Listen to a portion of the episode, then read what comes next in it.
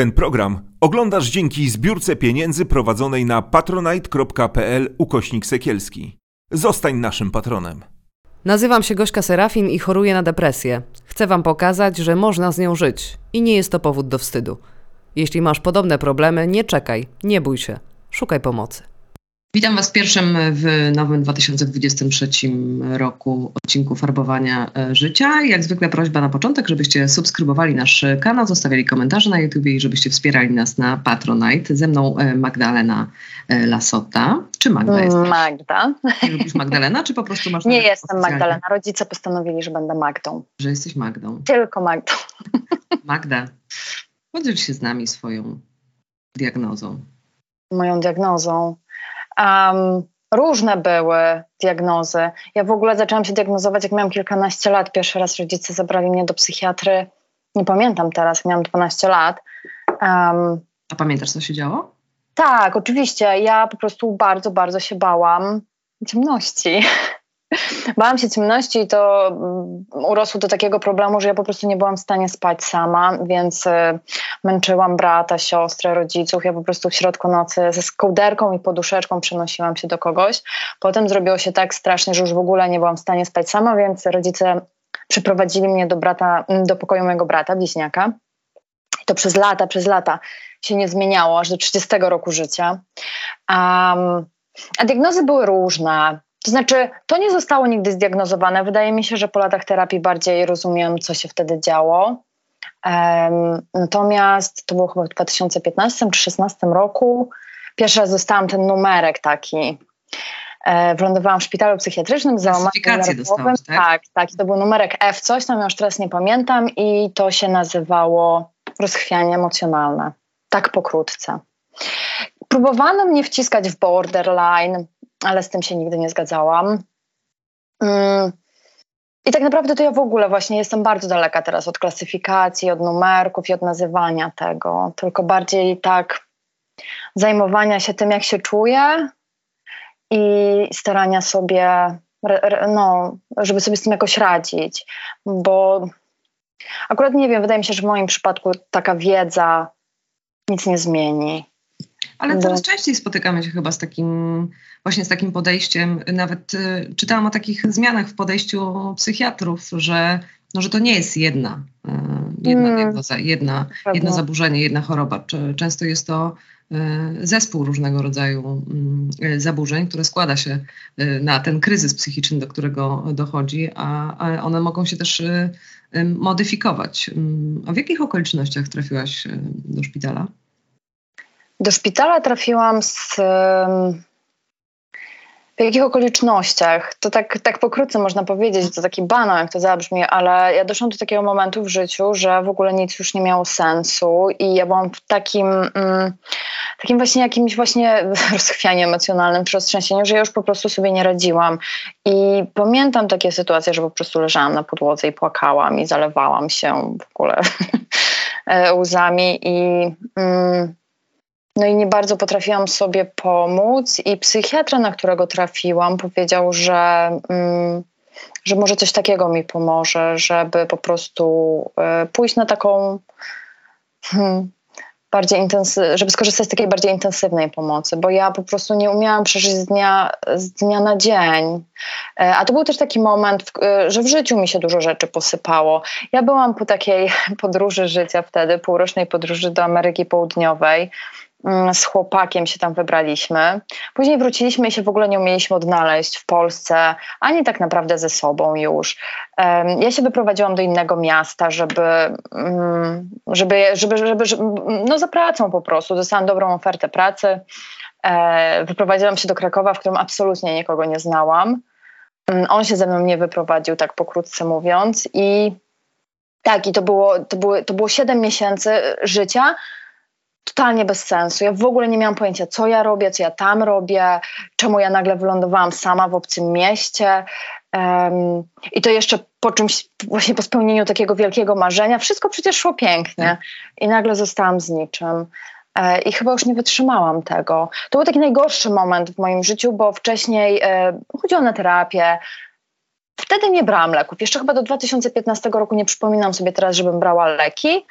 Mm tak, i to był taki moment, że już wszystko tak po prostu się rozsypało. I tak, myślę, że potrzebny mi był też ten moment bardzo. Strasznie duży przeskok, prawda? Z tej Ameryki Południowej, podróż życia pół roku, z facetem, wracasz, yy, przeprowadzka, yy, rozstanie, jak rozumiem, i nowa praca, nowe miasto i za dużo, nie? Za dużo. Za dużo, za dużo, ale mm, wiesz, to mi też tak bardzo chyba wtedy pokazało, hmm, że ja chyba polegałam mhm. za bardzo na różnych rzeczach. Ja się. Mm, hmm, ja w ogóle, ja, ja w ogóle, wydaje mi się, że nie byłam samodzielna też do końca. I to też ten strach przed ciemnością, teraz jak po latach e, przepracowywałam to na terapii, też już też się śmieję z siostrą, moja siostra jest terapeutką, że my jesteśmy już tak sterapeutyzowane. Oczywiście ona mnie nie terapeutyzuje, ale że już prowadzimy takie rozmowy czysto intelektualne, co, dlaczego. Z tymi hasłami, tak? tak operujesz. I,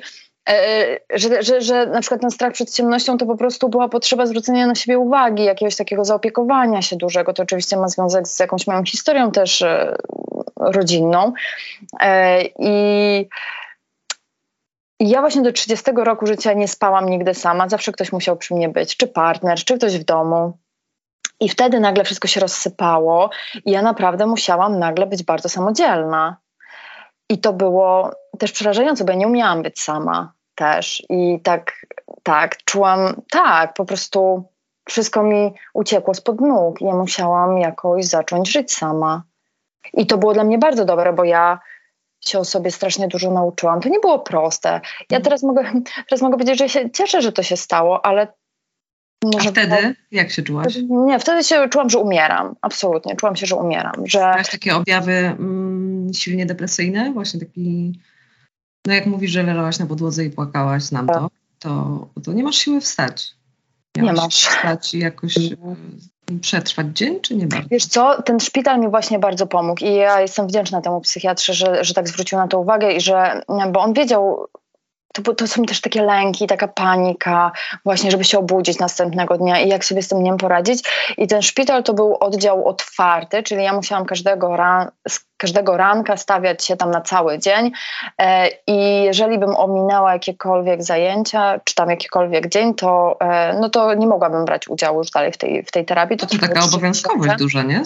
I to mi bardzo pomogło, Zadanie. że mimo tego, że ja w ogóle czułam, że nie jestem w stanie nic zrobić, no to te codzienne mm, wizyty w tym szpitalu jakoś tak mnie trzymały w pionie po prostu, dawały mi jakiś taki sens na kolejny dzień, bo bez tego nie wiem, nie wiem, jak bym sobie poradziła i to było, tak, to było dla mnie bardzo dobre rozwiązanie, żeby zająć te dni jakoś po prostu.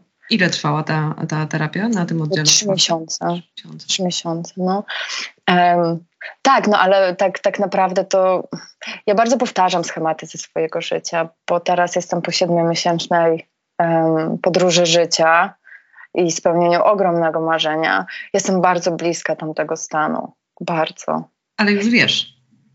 Wiem, ale to nie pomaga. Wiem, nie pomaga ci ta świadomość, że już wiesz? Pomaga, na pewno pomaga mi świadomość, ale to w takich e, na przykład e, jak byłam w Stanach, to też miałam różne bardzo przygody i historie, piękne i niepiękne. I tam wiedziałam jakoś siebie zadbać, bo wiem, mm, że są dni gorsze. To, to, to, jest to głównie chyba, czego się uczymy też na terapii i przy, i przy zlaterze. Może być bardzo źle, ale w końcu będzie też lepiej. I nauczyłam się trochę czekać na to. Mm, na tą, na tę poprawę i tak bardzo, no, znaczy no nie, że się nie przejmować, ale tak bardzo mm, nie myśleć, że to już jest koniec świata, jak jest źle, tylko poczekać do tego momentu, kiedy będzie trochę lepiej. Teraz jest trochę inaczej, bo wróciłam z tej podróży życia i nie wiem, co dalej z życiem, e, bo to tak jest. Ja robiłam taki fotoreportaż w, cie, w cieniu Everestu. Wybrałam się e, do Nepalu, spędziłam tam kilka miesięcy w bazie pod Everestem, to tak w skrócie powiem. I rozmawiałam z ludźmi, którzy całe życie marzyli o tym, żeby na ten Everest wejść. I później rozmawiałam z nimi kilka miesięcy po tym, jak oni z tego Everestu zeszli. I to nie były takie historie, które oglądamy w mediach społecznościowych, że po prostu wybuch radości i nagle życie się zmienia i wszystko jest pięknie i ma sens. Nie wiem, jak to określić. Tylko ci ludzie po prostu wpadali w głęboką depresję, kilka miesięcy y, spędzali albo na lekach, albo w terapii. Ale po zejściu, tak? Z tego, po, Po zejściu, bo oni wracali do domu, zdobyli największe, największy cel swojego życia, no bo tak w przenośni dosłownie już większego chyba mieć nie można. E, I oni po prostu nie wiedzieli, co dalej z życiem robić. Oni się kilka lat do tego przygotowywali, marzyli o tym i nagle co? Zostaje pustka. Nie ma Everestu. No, w tym, celu, w tym celu to podobno ta, ta droga jest taka e, najważniejsza, a cel e, sam w sobie no, już jest Niebez... Czyli niepokojący. okazuje się, że niebezpiecznie jest spełniać marzenia. Co dalej, nie? Mhm. No a, a co ci dały te, te rozmowy? To chyba, ja nie wiem, czy one tak, znaczy te rozmowy po Everestie na pewno uświadomiły mi też to, że ale to też, też w wielu innych sytuacjach można się tego nauczyć. No, na przykład to, że, że nie jest tak z ludźmi, jak nam się wydaje, mm, bo patrzymy na nich i widzimy tylko skrawek ich życia i no, porównujemy się. No to takie oczywiste jest. No to, że to na pewno zobaczyłam, jak jestem blisko z nimi, w takim sensie, że, mm, że jak się chyba traci cel, nagle to, no to każdy, może nie każdy, ale no, no, no wiele osób ma z tym bardzo podobny problem, że, że to nie jest tylko tak, że ja nie wiem, co dalej z życiem, że oni też nie wiedzą, że poświęcili dużo czasu i energii na coś, czego już nie ma i co dalej. To wydaje mi się, że tak, że, że poczułam się taka, nie, że nie byłam osamotniona w tym, w tym wszystkim. Nie. A masz coś takiego, że jak już masz tę te, te świadomość, y, że albo że coś się zbliża, albo że są to y, w miarę podobne odczucia, podobne okoliczności, mm, to jesteś właśnie spokojniejsza, bo wiesz, że to mija, czy, czy wręcz y, przeciwnie? Ja na przykład y, miałam coś takiego przy drugiej depresji i, i nawet przy, y, przy jeszcze takim załamaniu, jednym bardzo silnym w drugiej depresji, y, że mając taką ogromną już, jak na mnie, wiedzę z zakresu psychoterapii i psychiatrii, i tego jak działa to wszystko, jak, jaki, jaki jest proces, czego potrzeba, mm, to czułam się taka obciążona tą odpowiedzialnością i wiedzą. O, Że, wte, że wcześniej to byłam taka, a dobra, nie wiedziałam o co chodzi yy, i to było takie zaskakujące i taka trochę, wiesz, yy, nie miałam odpowiedzialności, nie? A Aha, ciekawe. troszkę wziąć za to odpowiedzialność, że okej, ja wiem, co to jest za stan, ja wiem, że on mija, yy, ale ja dosyć dużo o nim wiem i, i, i, i pytanie, czy, czy mnie to uspokaja, hmm. czy martwi, nie? Ale taką odpowiedzialność, spada- że, że wiesz, że na przykład no, musisz też włożyć w to dużą pracę. Mhm. No, ta praca Mhm. jest, e, jest przerażająca, bo, bo e, leki lekami. Ja też miałam dosyć duży problem z, z doborem leków Mhm. przy drugim epizodzie depresyjnym, bo te z pierwszego nie działały e, i Mm. długo się bardzo bujałam z lekami. Mm, No i to było bardzo męczące i też te, ta terapia nie szła, to wszystko nie szło, nie?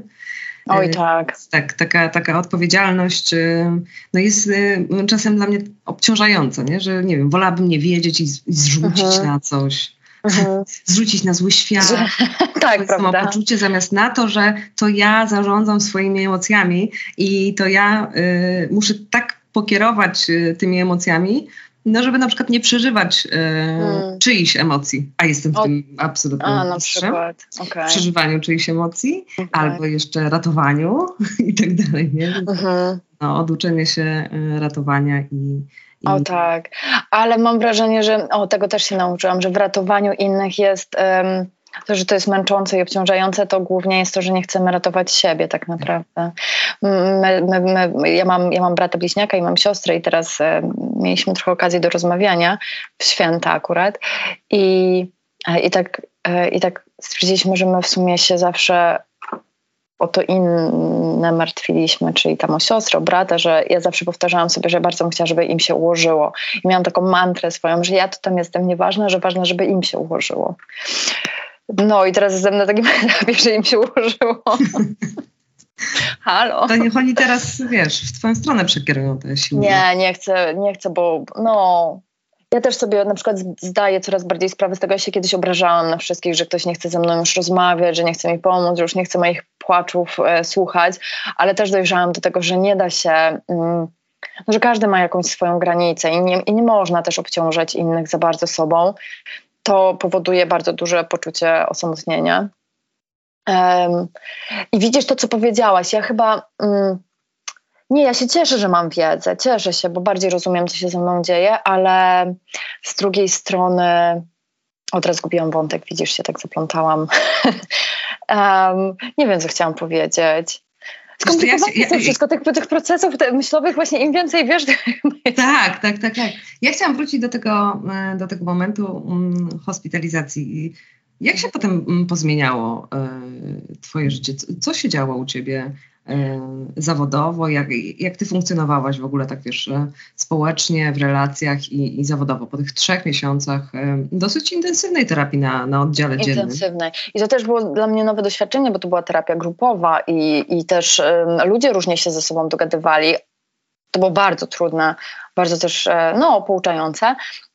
Ja ja nagle, mm, to znaczy, ja się długo zbierałam jeszcze po tej terapii. To nie jest tak, że ja wyszłam ze szpitala i nagle było dobrze. Ja myślę, że to z rok mi zajęło, ale to było bardzo ciekawe, bo ja mm, pierwszy raz w życiu tak mm, no, myślałam o sobie, o tym, co ja lubię, czego nie lubię, e, co ja mogę robić. I się tak jakoś potoczyło. Ja w ogóle zawsze strasznie marzyłam, żeby jeździć konno. E, I wtedy jakoś miałam na to środki, więc po prostu dwa razy w tygodniu jeździłam konno i to było super, więc hipoterapia jak najbardziej. Um, tak, to jest też taka ciekawa historia, bo ja zaczęłam robić zdjęcia, bo mój e, były był, on był architektem i fotografem, fotografem architektury, no robił zdjęcia, wiedział jak to się robi. Mnie to tak średnio wtedy interesowało, a później, jak już, jak już byłam sama, jak już byłam zdana na siebie i nadal podróżowałam, bo to jest coś, co zawsze bardzo lubiłam, no to stwierdziłam, że też w ogóle chciałabym robić zdjęcia z tych podróży, bo teraz wiem, że, że można. I kupiłam sobie aparat i zaczęłam robić zdjęcia i ta fotografia się u mnie jakoś tak zupełnie niespodziewanie e, rozwinęła. No tak praktycznie z zera i zaczęłam robić zdjęcia. Inni ludzie chcieli te zdjęcia mieć, albo na przykład nawet chcieli, żebym im robiła zdjęcia. I to tak powoli, powoli doszło do tego, że ja poszłam do szkoły fotograficznej, bo stwierdziłam, że biorę pieniądze za jakieś sesje, a zupełnie nie mam pojęcia, co robię. I to był ten kompleks oszusta, czy ten syndrom oszusta, że oni się Teraz dowiedzą, że ja nie umiem. Tak, tak. Nie mam papierka na to. No, więc poszłam do szkoły fotograficznej i tam się do, dowiedziałam zupełnie czegoś innego niż, niż, niż chciałam, niż po co poszłam, bo ja chciałam dowiedzieć się, jak się ustawia aparat, żeby zrobić dobre zdjęcia, a tam się zaczęłam uczyć o emocjach w ogóle, o wyrażaniu e, Super. tego, co jest w nas, więc to było dla mnie bardzo ważne. Ja w ogóle, ja w ogóle jestem tłumaczem. Skończyłam niderlandystykę i zawsze byłam tłumaczem, odkąd pamiętam, teraz nie wiem już od jak dawna. E, z angielskiego i z niderlandzkiego, więc to zawsze gdzieś tam było. I stąd były pieniądze, że ja mogłam sobie pozwolić na szkołę fotograficzną. Też no, no, nie chcę powiedzieć, że mi się jakoś prze, przelewało, ale y, miałam taką możliwość, bo to jest bardzo dużo. Ja wiem, że pieniądze szczęścia nie dają, ale bardzo pomagają. Ale wiesz, no w sytuacji, jak wychodzisz e, z, z kryzysu psychicznego i jak musisz troszeczkę się nawet Jednak. rozpędzić, e, hmm. Albo mieć na terapię. Tak, tak albo mieć tak. na terapię, mieć na leczenie, albo na przykład chwilowo nie pracować. Bo jest tak, że a nie masz etatu tak. i nie masz L4 tak, na roku. Tak. No ja wtedy, to też była taka śmieszna historia, no bo dzięki temu, że pierwszy raz poszłam do pracy w korporacji, w tym Krakowie, która ostatecznie doprowadziła mnie do największego kryzysu, to ja dzięki temu miałam to L4 i ja przez ponad pół roku miałam po prostu, chyba przez rok prawie, e, pieniądze.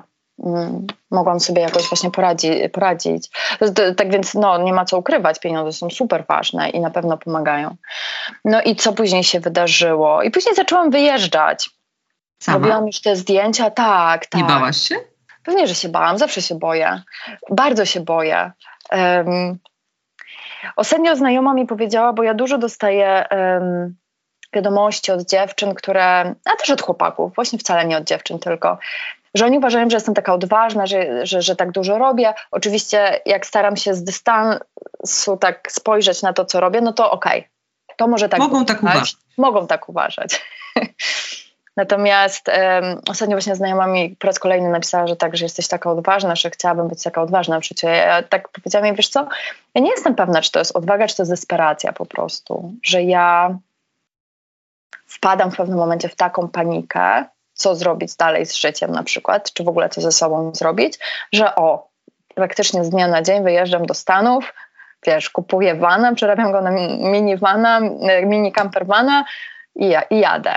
Bo ja też zawsze powtarzam, że to jest dużo prostsze. Naprawdę, wsiąść w samochód i jechać przed siebie. Do tego nie potrzeba hmm, tak naprawdę do tego nie potrzeba żadnej odwagi. Ja zawsze myślę, że mój brat i moja siostra, którzy wiesz, pracują, mają jakieś swoje biznesy, dzieci, partnerów, e, że oni są dla mnie naprawdę super odważni, bo pojechać to może każdy. Tak myślisz? Ze swojej perspektywy tak No tak, właśnie ze swojej perspektywy, a z perspektywy kogoś, kto, kto cię obserwuje, e, kto cię czyta, e, można pomyśleć, e, Jezu, jak ona jest odważna. No, pojechała sobie, tego minivana mm, przerobiła i i to jest odwaga, rzucić wszystko i, i, wyjechać, nie? I Jezu, ale ona musi mieć super życie, tak po prostu Och. rzuciła wszystko i sobie pojechała. No to też, wiesz, to farbowanie. Ja nigdy nie udawałam, że jest lekko i nigdy nie udawałam, że to moje życie, chociażby to ten krótki, wiesz, wyrywek e, w podróży marzeń, że jest idealne. Nie, ja zawsze bardzo otwarcie mówię o swoich kryzysach. To jest też coś, co mi pomaga po prostu. Już się nauczyłam, że mówienie o tym mi pomaga. E, jak się okazuje innym też, ale tak, nie, ja nigdy nie, nie, nie udawałam, że to było że to było takie łatwe. Oczywiście miałam chyba podczas tej podróży takie momenty, chwile e, takiego prawdziwego, nie wiem czy szczęścia, czy takiej prawdziwej radości, krótkie, których nigdy nie miałam w życiu pewnie, takie bardzo intensywne, ale miałam też absolutnie najgorsze momenty w życiu tam. I ja się ja tam wylądowałam na grupie wsparcia, bo już sobie nie mogłam poradzić z pewnymi problemami swoimi, które się nagle okazały. Które wiesz, mimo lat, lat, lat terapii, a tu jeszcze nowe, no, które nie To cały czas jest taki, taki lęk o to, co dalej? O, o tę przyszłość? Mm, straszne. U mnie, u mnie tak. Codziennie. ale to jest właśnie bardziej taki lęk, co to będzie pod względem takiego bezpieczeństwa e, finansowego zaplecza, lęk o zdrowie, czy lęk o pomysł na siebie, hmm. zawód, spełnienie? No tak, chyba pomysł na siebie. Mm, tak, pomysł na siebie. Ja, tak, lęk o stabilizację finansową to też jest oczywiście mój duży lęk. Um, ale wydaje mi się, że to też by nie rozwiązało chyba wszystkich problemów. Wiesz, nagle jakbym dostała teraz jakiś olbrzymi spadek i nie musiała pracować do końca życia, to nie. Ja mam, ja mam ogromny strach przed mm, starzeniem się. To jest coś, co mnie absolutnie mm, zwala z nóg i to staram się mieć pod kontrolą, ale nie mam. E, to, co powinnam właśnie robić w życiu, jaką karierę w cudzysłowie wybrać, bo też nie mam pojęcia. E, czy na przykład się stabilizować, czy dalej podróżować. Ja mam, ja mam takie potrzeby. Ja czuję, że mam potrzebę stabilizacji e, domu. I jak o tym myślę, bo wiem, że czuję, że chcę, to z drugiej strony już czuję tutaj taki mały sabotaż w środku. Nie, nie, trzeba jechać. I nie wiem jeszcze po prostu, jak to w życiu zrobić, żeby pogodzić jedno z drugim. E, I to jest lęk, to jest mój lęk, bo nie umiem tego znaleźć. Nie umiem znaleźć ani złotego środka. Wiem, że nie nadaje się już do wstup, tak żeby w 100% po prostu pracować w korporacji, siedzieć na miejscu. To myślę, że to już nie jest po prostu dla mnie, ale nie widzę też e, bycia ciągle w drodze mm, i wracania do niczego, tak naprawdę. E, więc tak. No i teraz kolejny, kolejna taka zagwozdka życiowa przeolbrzymia, czyli czy wracać e, do Stanów i jechać dalej, czy nie. No. Ja, zaraz ktoś może powiedzieć, wiesz, no rzeczywiście problemy. Prawda? rzeczywiście, no ogromne problemy, ale... Wiesz jak to jest, depresji nie widać. Tak, nie widać. Nie widać. No. No, no, no ma problem, no rzeczywiście dylemat, ale to, y, to są tak duże lęki, to są tak duże y, dylematy, że ktoś jest, nie wiem, z jakąś dużo, dużo większą odpornością psychiczną albo jakimiś no, jakąś taką siłą, może mm, na mhm. ludzie sobie poradzić w bardzo trudnej obiektywnie życiowo sytuacji. Mhm. A jeżeli no nie, masz, nie masz takich y, supermocy, bo bo cię w nie nie wyposażono, czy po prostu Mm. urodziłaś się z takim temperamentem, a nie Mhm. innym, no to rzecz mała pozornie może doprowadzić do, do bardzo dużej e, rozkminy. Ja też, wiesz, mam takie rozkminy, Boże, co robić, co robić, ale z drugiej strony sobie tak długo wmawiałam, że ej, dobrze, jakby spoko, no nie wiem, masz dom, mm, dach nad głową, nie jesteś głodna, Mhm. nie jest ci Mm. zimno i już wiesz, próbowałam się Mm. pocieszać takimi rzeczami. Nie jest ci zimno, Mm. nie jesteś głodna. To co jest? To o co chodzi. To o co No, trzęsie, nie? To jest takie nie fair. Nie, bo ja też oczywiście jestem przewdzięczna za to, że jestem zdrowa, że moja rodzina jest zdrowa, że jednak jak wracam do tej Polski, no to mam się gdzie zatrzymać, tak, mam co jeść. Em, to ja sobie zdaję z tego sprawę, ale w, jakiś, w jakimś sensie to nie pomaga, prawda? No bo to nadal nie pomaga na to, co ja czuję w środku. Ja nie mam no, nie, nie wiem, nie wiem. Ja bym bardzo chciała, żeby to się zmieniło, ale też mówiłaś o tej odpowiedzialności. Ja chyba to jest to, co, co chciałam wcześniej powiedzieć, że, że ja wiem, że to też musi być moja ciężka praca, żeby to się zmieniło.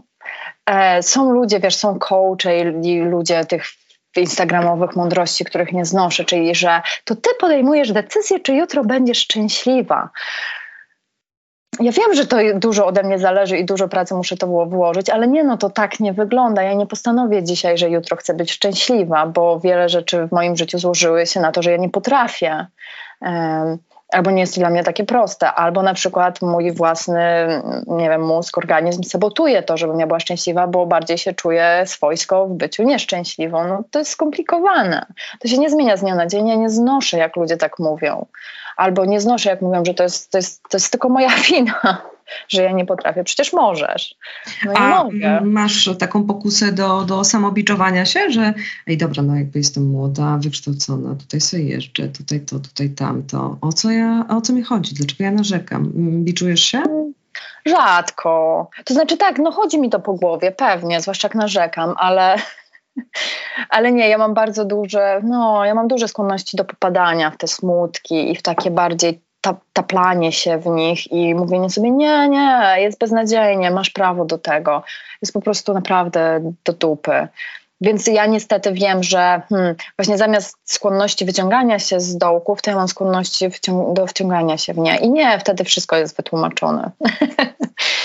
I pozwalasz sobie w takim dołku trochę posiedzieć i się potapać? O, niestety. No, niestety, aż przychodzi taki moment, jak teraz na przykład, że już jest bardzo, bardzo źle.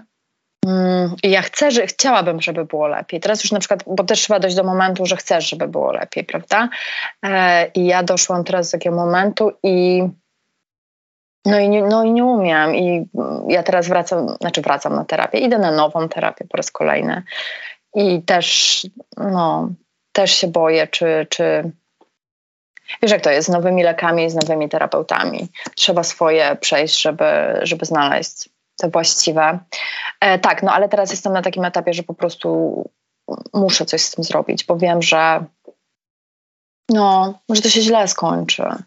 Bo ja mam też takie, a to też z, z, z czasem mi się tak zrobiło, że właśnie no ja bym mogła leżeć w tym łóżku i nie wstawać z niego. Niestety. Mogłabym. Mnie to na przykład bardzo przeraża. E, To, Mhm. że wiesz, żebym się położyła i ja sobie tak mm, z jednej strony trochę nie pozwalam na takie Mhm. sytuacje, Mhm. a z drugiej strony myślę sobie, że, y, że ja cały czas szukam tego, nawet nie złotego środka, bo już chyba przestałam go szukać, ale jakiejś takiej nierównowagi, tylko jakiejś, czegoś między tą łagodnością a użaleniem się, nie? Że Mm, okej, y, jakby boję się trochę położyć pod kołdrę, znaczy jest do dupy, nie? Jest Mhm. do dupy, wiem, że ci jest po prostu dzień zero, jest do dupy, ja się z jednej strony boję położyć pod tą kołdrę, bo boję się, że już tam sobie, wiesz, zostanę na Mm. tydzień, a z drugiej strony trzeba te emocje jakoś przeżyć. Tak, to też prawda. I, i, i to jest dla mnie, tak, tak, to jest Mhm. dla mnie bardzo trudne, przeżycie emocji, w ogóle dopuszczenie jej, odgadnięcie jej najpierw. Mhm. To jest na maksa trudne, ale potem jak już, e, już się złapie, co to jest, to jak, jak ja mam przeżyć tą emocję? Co to znaczy? Znaczy, że- żeby sobie pozwolić na ten smutek, ale jaki on ma być? On ma być trochę pod kontrolą, czy ja mam popłynąć? I bardzo się tego boję, bo chyba sobie tak do końca nie ufam bo, bo, nie wiem, wiesz, y, gdzie jest ta granica między takim naprawdę zdrowym oczyszczeniem się z emocji, mhm. a jednak y, zakopaniem się pod kołderką na tydzień. Ja nie wiem, czy też tak masz, ale ja tak mam, że ja od terapii w ogóle, mm, jak szukam, czy jak czuję, że jest źle i szukam pomocy, to ja chcę takich jasnych odpowiedzi. Nie wiem, czy też tak masz, że właśnie na ile ja sobie mogę pozwolić, ile ja mogę w, w, w tym łóżku leżeć, albo na przykład jak idę na terapię, kiedy mnie się poprawi, co ja mam zrobić. Proszę mi tylko powiedzieć, co ja mam zrobić, żeby się poprawiło. Tak, ja zawsze chciałam takich konkretnych odpowiedzi.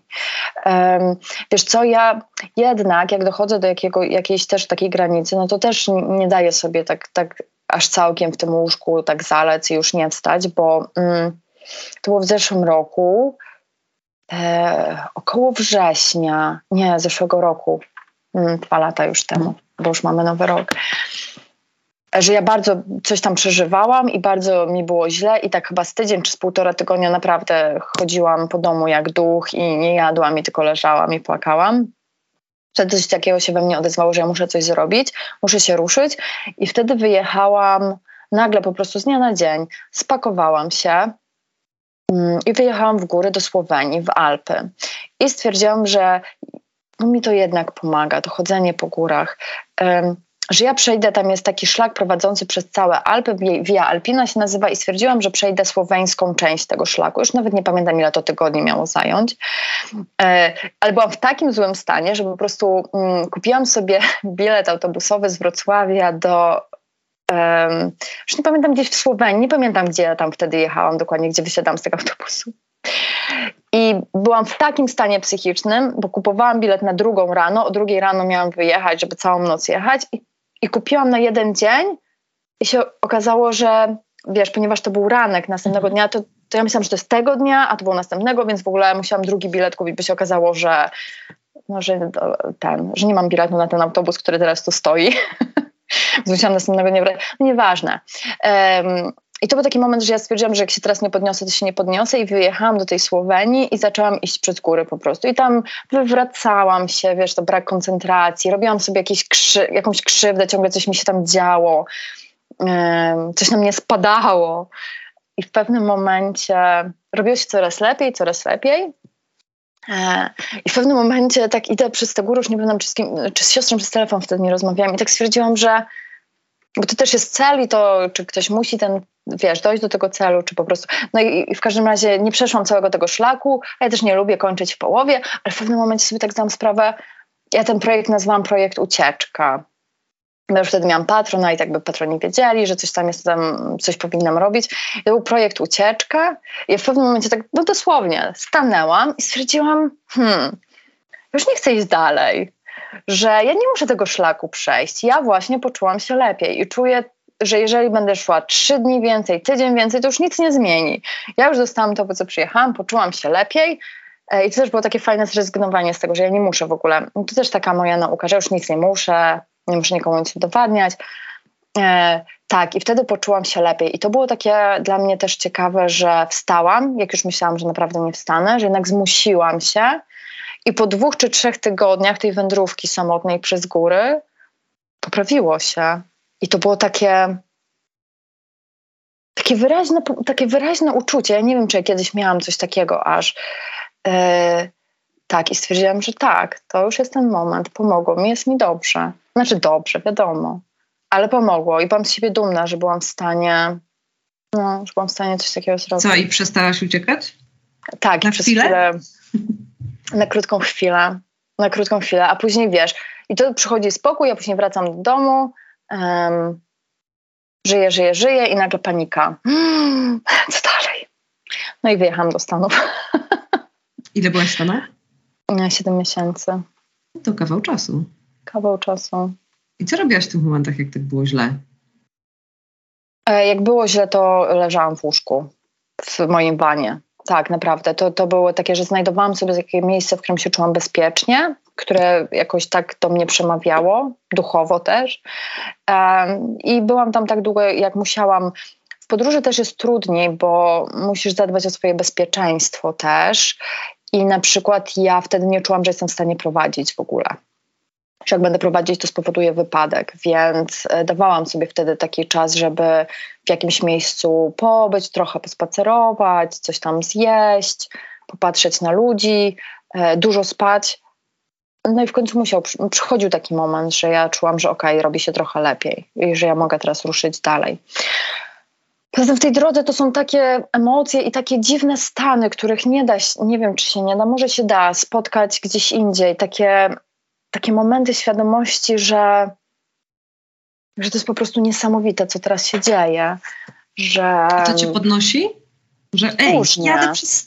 A tak, czasem tak, czasem tak, ale bardziej tak, mam takie momenty, tak, jak najbardziej, ale takie, niektóre są takie gdzieś na pograniczu świadomości i snu i tak, że to, co się dzieje teraz, że na przykład, nie wiem, jestem gdzieś na mm, poboczu drogi i siadam sobie na trawie i obserwuję zachód słońca nad jakimiś górami, nie wiem do końca, gdzie jestem, to jest taki moment jakiejś takiej magii po prostu. Więc ja bardziej... Mm, a ta magia cię ładuje? nie, to jest taka melancholia. To jest, taka melan... to jest taki film melancholia, że to, co przeżywasz, jest dla ciebie bardzo ciekawe i takie. Nie chcę używać jakichś słów, bo ja wiesz, nie jestem ani wierząca, ani wierzę w matkę naturę. I to są takie momenty totalnie magiczne, że ja, że ja po prostu nie wiem do końca, czy śnię, czy nie. Więc ja w takiej melancholii dużo żyję. I ona mnie interesuje, jest trudna czasem, Mm, a takich chwil takiej czystej radości, że mówię właśnie, Jezu, jadę przez Stany, też mam, ale, ale inaczej. Nie, no zachody słońca mają coś sobie takiego, że ja niby też je lubię, bo są piękne, bo, mm, bo jest taka nuta romantyzmu, nawet mi się włącza i, i jakieś mhm. takie ciepłe emocje, ale w tej samej sekundzie zawsze mi się włącza um, jakiś taki smutek, wiesz? I tak. jestem w stanie, wiesz, po prostu mieć świeczki w oczach, bo jest zachód mhm. słońca i nie daj Boże, patrzę obok ludzi na plaży są szczęśliwi,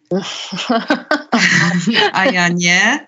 Mhm. I, I ten zachód jest, mm, jest piękny, ale smutny dla mnie. Smutny, też, tak. Że, że coś jednocześnie może być e, tak. śliczne, takie wow. A właśnie się zastanawiam, ile ludzi, mi się wydaje, że to jest taka melancholia właśnie, że to jest dobre słowo i zastanawiam się też, ile ludzi przeżywa taką melancholię, a ile jest na tyle, wiesz, takich um, nie wiem, pragmatycznych czy konkretnych. No, piękny zachód słońca, idziemy dalej, żyjemy na przykład. To jest mi bardzo obce. A jesteś. Um, jesteś ok z, właśnie ze swoim takim podejściem, czy je trochę e, sabotujesz? Bo e, ja bardzo miałam 30 parę lat, e, powinnam. I ja na przykład nie wiedziałam, co ja myślę, nie? Co, co ja czuję, tylko wiedziałam, co powinnam, co wypada. Mm. Co wypada, i, a czego nie wypada. A teraz mhm. już mam to w dupie. Mhm. E, tylko, że no to zajęło mi e, parę lat e, terapii, ale, ale długo się borykałam z takim mhm. wiesz, pozwoleniem sobie na przykład na, na drobne rzeczy, cieszyć się z nich albo na przykład mhm. smucić za coś drobnego i uważam, że to jest wiesz, taka wrażliwość i, i daję sobie do tego, do tego prawa. Opowiadam o tym tylko osobom, które wiem, że to zrozumieją. Okej. Okay ale, ale długo się sabotowałam, nie? że na przykład nie, nie opowiedziałabym ci kiedyś, nie opowiedziałabym publicznie o swoich y, odczuciach związanych z zachodem słońca. Zachód słońca jest ładny i tyle, ale żeby tam się wiesz, mhm. doszukiwać jakiegoś nieszczęścia, mm. ty zrzędzisz, no. O, wiesz, tak, jeździsz, daj spokój. Jeździsz już. vanem po Stanach, w ogóle po podróż mm. życia, nie? Ludzie się zabijają o to. Wiesz co, mam... Y i Ciężko mi odpowiedzieć, bo na pewno mówię, jeżeli tak czuję, to, to mówię o tym. Czasem może po prostu nie mówię, ale jak już mówię, to, to ja nie, nie powiem, że jestem szczęśliwa, jak nie jestem. I na to, znaczy nie zwracam uwagi, czy mam gdzieś. Trochę tak, bo wiem, że nie potrafię inaczej. Czasem mogę przemilczyć, ale e, ja mam, znaczy problem czy nie problem, w tym, że wiesz, moje podróże są patronowane nie w jakimś tam wielkim stopniu, ale mam swoich patronów i to jest też tak, oni wiedzą, kim jestem, ale czasem się tak zastanawiam, no ile jeszcze mogę, wiesz, smucić im tutaj. Um, a z drugiej no i z jednej strony na przykład dostaję bardzo dużo wiadomości takich, że ludzie się cieszą, że cieszą, że widzą smutek. Cieszą się, że nie są sami w tym, wiesz, że, że, że, mm, że ja pokazuję to prawdziwe życie. Tak, że czują że oni widzą to, że można spełniać marzenie, ale wcale nie być jakąś, jakimś super szczęśliwszym. Ale na przykład dostaję dużo też takich wiadomości, które bardzo mnie irytują. W takim sensie, że ludzie myślą, że wiedzą, co jest dla mnie dobre. Że oni może wiedzą, że ja. Um, znaczy, nie mówią mi bądź po prostu szczęśliwa, tylko tak mi piszą na przykład. Um, nie chcę nikogo obrazić, bo są osoby, od których mogę to przyjąć, a osoby, od których nie bardzo. Na przykład ty musisz wyjechać do Stanów i coś tam, coś tam i zrobić to i tamto i to jest dla ciebie najlepsze. Ja nie wiem, co jest dla mnie najlepsze, to jakim cudem wy wiecie, co jest dla mnie najlepsze, ale wiesz, to jest ta kwestia e, publicznego mm, przeżywania tego. Ja wiem, że, że muszę sobie z tym poradzić, bo, bo sama zdecydowałam się na to, że to moje życie podróżnicze będzie publiczne w jakimś stopniu. A ponieważ przeżywam wszystko tak, jak przeżywam i nie jestem w stanie udawać, no to tym bardziej. Mm. Natomiast ja jestem takim emocjonalnym ekstrawertykiem i ma to swoje dobre i złe strony. Ale nie potrafię. Na przykład mój brat czasem już się ze mnie śmieje i mówi, bo ja tam zawsze, nie zawsze, ale mam taką frustrację i złość w, sobie na niewystarczającą ilość, wiesz, followersów i tak dalej, i tak dalej. Niestety to jest, to jest, to jest moja praca do zrobienia, żeby się takimi rzeczami nie przejmować. A on mówi właśnie, że no musisz może trochę weselej, że ileż można właśnie o tym smutku mówić. Ja to rozumiem. Ja to rozumiem, że nie dla każdego to jest um, czy miłe do oglądania. Na pewno wiele osób wybiera wiesz, kolorowy świat, który niekoniecznie jest prawdziwy. I ja, jak już to kotki pieski, nie? A, kotki pieski są. One nie kłamią. E, dokładnie, ale ten kolorowy świat, no, ja wiem, że on jest nieprawdziwy, on już mi nie robi, nie robią mi nie? super ekstra y, talie i te takie pupy fajne. Sorry, no jakby nie, to, to, to mnie nie jest w stanie... I nie wpadasz w idealny świat innych nie. ludzi? Trochę mam nawet nie tyle zazdrość, ile jest mnie w stanie poruszyć na przykład, że... Mm, że ktoś miał odwagę i był konsekwentny w jakimś projekcie i do czegoś doszedł, na przykład na co ja się nie odważyłam, bo na starcie stwierdziłam, że mm, mm, uh-huh, nie, dam rady, nie dam rady. No to mam takie, okej, okay, no to można, no to ewentualnie tego y, y, nawet nie zazdroszczę, no bo ja jedynej rzeczy, jaką zazdroszczę ludziom, to są gęste włosy w życiu. Masz piękne włosy. Ale mam takie, wiesz, piórka, więc tak. Mm. Y, jesteś cały czas na, na, na wspomaganiu farmaceutycznym? Jesteś cały czas na lekach? Tak, jestem. Jestem. Ja mam takie momenty, że nie, rzucam to. Nie no. będę brać leków. A potem ale próbujesz schodzić? E, mam takie momenty. Na przykład e, ja teraz biorę takie stabilizatory nastroju. E, mm, antydepresantów nie biorę od roku, ale mm, wrócę, bo no nie radzę sobie, więc mam umówioną wizytę u psychiatry mojego. Mam cudownego psychiatrę. To też tak jest, że no, jak się trafi na złego psychiatrę, to można bardzo mieć złe zdanie o farmakologii o leczeniu właśnie mm, takich stanów. Natomiast mój, mój, mój psychiatra jest też terapeutą, więc te wizyty zawsze trwają godzinę. On w ogóle najchętniej wcale by leków nie przepisywał, więc ja mu ufam, że, że, nie, że mnie po prostu nie karmi lekami, tylko próbuje mi pomóc.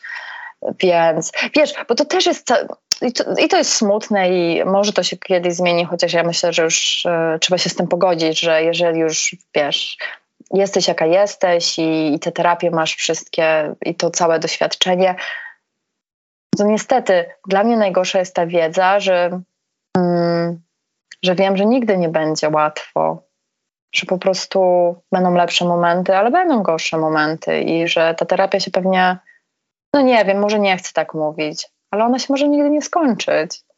Że to wszystko będzie trochę pomagać w życiu nam, leki i terapia, ale, ale może tak być, że już zawsze będą. Może się trzeba z tym pogodzić, że życie to nie tylko fajerwerki, ale że integralną częścią życia jest też e, cierpienie i chyba bardzo od tego uciekamy i nikt nas, mm, nas do tego nie, nie przygotowuje, a, a przed tym cierpieniem bardzo y, uciekamy w, w używki, no. w pracę, no w różne kompulsje. Tak? Ba bardzo, bardzo dużo. Moją kompulsją są jazdy. Tak, tak, tylko że ona, widzisz, y, jest taka, mm, jest na to y, nie też takie społeczne przyzwolenie, to jeszcze jest takie wow, nie? Że to się wydaje To jest takie prawda. wow. Tak. To jest prawda i może, ha, to jest, tak, masz rację, ciekawe, może dlatego ludzie tak nie do końca wierzą w to, że jest mi źle. No, tak, no bo jakbyś, wiesz, y, piła czy coś, no to rzeczywiście Tak. to jest takie już y, zbadane i okej, Ja- bierzesz narkotyki też, no ale pijesz też, a że wyjeżdżasz, no jaka kompulsja, no po prostu laska ma jaja, jeździ po świecie. O Jezu. Tak, wiesz co, właśnie ostatnio też usłyszałam od, od jednej osoby, że, że tak, że, ma, że mam, wiesz, kochones i że żyję na 100%. Mhm. Ja wiem, że to jest, mm, że to jest na pewno fajniejszy sposób uciekania niż, tak jak mówisz, w używki. No w ogóle nieporównywalnie, wiadomo, bo ja z tego dużo czerpię dobrego, bardzo dużo i nie niszczę jednocześnie swojego organizmu czy ludzi wokół. Mm. Ale tak, to jest taki moment, że ja po prostu jak za długo siedzę w domu, to zaczynam czuć takie lęki, takie niepokoje, że dla mnie najłatwiej jest wyjechać. I dlatego tak mówię, że to jest łatwe, to jest łatwe, to jest po prostu tak cholernie łatwe. Dla mnie, wiesz, za- zaplanowanie właśnie wyjazdu, kupienie wana, nie, no okej, no obiektywnie rzecz biorąc, ale dla mnie to jest po prostu uspokojenie takiego wewnętrznego, olbrzymiego lęku. No i teraz wiesz, em, co? Miałam zimować Polsce, miałam wrócić do Stanów, a teraz mam taki olbrzymi lęk, bo ja po prostu nie czuję też, nie czuję, co jest dla mnie teraz dobre. E, Ja e, sobie myślałam, dobra, mam kilka miesięcy do wiosny, więc to się jakoś tam ułoży, wyjaśni, ja będę wiedziała, co robić.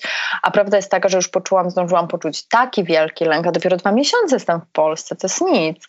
E, Taki straszny lęk i chyba chęć nie zastanawiania się nad tym, co dalej, że ja stwierdziłam, nie no, ja w kwietniu wyjeżdżam. Bo przecież to mi da trochę czasu, żeby pomyśleć później, co dalej z życiem.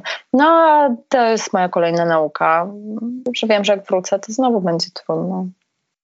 Nad tym chcesz e, pracować, na tej nowej terapii, którą zaczniesz, nad tym lękiem przed, e, przed przysz... bo on jest taki, to, to, to nie jest konkret, nie? Się nie, Mm. się nie boisz pająków, tylko to jest takie, Mm. takie duże, lęk przed, przed Wiesz co, ja bym, ja bym chciała popracować nad tym, żebym wiedziała, co jest dla mnie dobre i nie wiem, no, no wiesz, chciałabym być szczęśliwsza, nad tym chcę pracować. No to już jest taki brak konkretu. Mm. Chciałabym, bardzo ciekawe, no myślałam o tym, co ja powiem tej terapeutce bez nowa. No i tak podobno trzeba iść e, mm, z celem terapii. z celem terapii. No. Ja, bym, ja bym chciała wiedzieć, co robić po prostu. Chciałabym po prostu wiedzieć, co jest dla mnie dobre i w którą stronę mam iść. I się nie bać. No. A boisz się decyzji? W sensie, że, że mm, czy boisz się próbować nowych rzeczy? Czy- Czego się boisz? Boję się tego, że czas mi ucieka, wiesz? Ja się boję tego, że na przykład za pięć lat nie, nie będzie mi wypadało jeździć vanem po Stanach, bo będę stara, wiesz. Na przykład, że to już e, jakby sama przed sobą się będę wstydzić tego, że nic nie mam, że nie mam domu, nie mam pieniędzy, jedyne co to mam samochód i w nim mieszkam. To jest coś takiego, że ja wiem, że ja będę sama przed sobą e, uważać, że to jest nie okej, że to już jest takie żenujące. Ja myślę, że to nie jest akurat to, to takie ramy, w które mnie społeczeństwo wciska, że trzeba mieć, tylko po prostu A Skądś to masz? no skądś to mam, to jest prawda, ale jednak ja czuję, że gdzieś, no czuję, że ja bym jednak chciała trochę więcej stabilizacji, a mniej ucieczek. Chciałabym, żeby te ucieczki były w moim życiu, e, ale nie w takim stopniu, że ja wyjeżdżam, bo ja nic nie mam. I ze strachu przed tym, że nic nie mam, wyjeżdżam. Chciałabym wyjeżdżać z własnego takiego wyboru, że a, pojechałabym się na dwa miesiące. To zostawiam dom, zamykam go, on tam na mnie czeka. No. Chciałabym, żeby to było po prostu bardziej takim, no, żeby miało ręce i nogi, żeby to nie była ucieczka. Co tego ci chyba życzę? Hmm, w nowym roku. Nie? Mhm. Nie, tak mam postanowionko, żeby nie uważać tego za, wiesz, żeby nie dzielić nowego na stary, stary na no, no, nowy, bo Kolejny. po prostu wiesz, no kolejny dzień, jak każdy, jak każdy inny. Ja mam straszny problem właśnie z upływem czasu, ze starzeniem się, więc urodziny i Sylwester to są moje dwa najbardziej znienawidzone dni w roku. Em, no. Nie wiem, do kiedy będzie mi wypadało żyć tak, jak żyję, ale mm, cały czas mam wrażenie, że to już, tuż, tuż. A nic nie mam. Coś ci tam, tam ciśnie, no to życzę ci, żebyś to e, odnalazła, żebyś ten, ten, ten głos po prostu odebrała mu mowę, który cię tak, Mm. wiesz, męczy od środka, że Mm. coś jest nie tak, coś jest nie tak. Mm, dziękuję. Cieszę się, że wreszcie nam się udało spotkać, bo to, to jest taka długa historia w sumie y, korespondencji, łapania się. A mojej ucieczki też jednej też raz miałam. Tak? No, zrobiłem taką. Tylko ja właśnie taką Tak? ucieczkę, y, że nie to, że, że nie wiem, co zrobić, y, to ucieknę, tylko że tego już jest tak za dużo, że ja potrzebuję Mm. uciec, żeby to zostawić. No i na chwilę. Udało Ale, się, tak? I, I rzeczywiście się upajałam tym, tym, tym, co było, nie uciekałam, ale, no, ale tak, no, no, mam ten problem z y, odpowiedzialnością za różne rzeczy. Cały O. czas bym chciała pozrzucać jeszcze. No. mm. No to, to ci życzę tego w takim razie. Dzięki wielkie, że się podzieliłaś e, swoją historią. Ja Zobacz, zaczęłyśmy od tego, jaką masz diagnozę, a okazuje się, że to nie jest po prostu No diagnoza i to nie jest jedna literka, tylko Mm. jaką masz diagnozę. No, no, no życie mnie męczy. Chyba tak. Życie mnie ciśnie. Życie jest trudne. Przyszłość mnie Mhm. przeraża. No. Mhm, mhm. No tak. Y, dzięki wielkie. Ja dziękuję też Miłego za y, wysłuchanie. y, dnia Ci życzę. Dzięki. Wzajemnie. Ten program oglądałeś dzięki zbiórce pieniędzy prowadzonej na patronite.pl ukośnik sekielski. Zostań naszym patronem.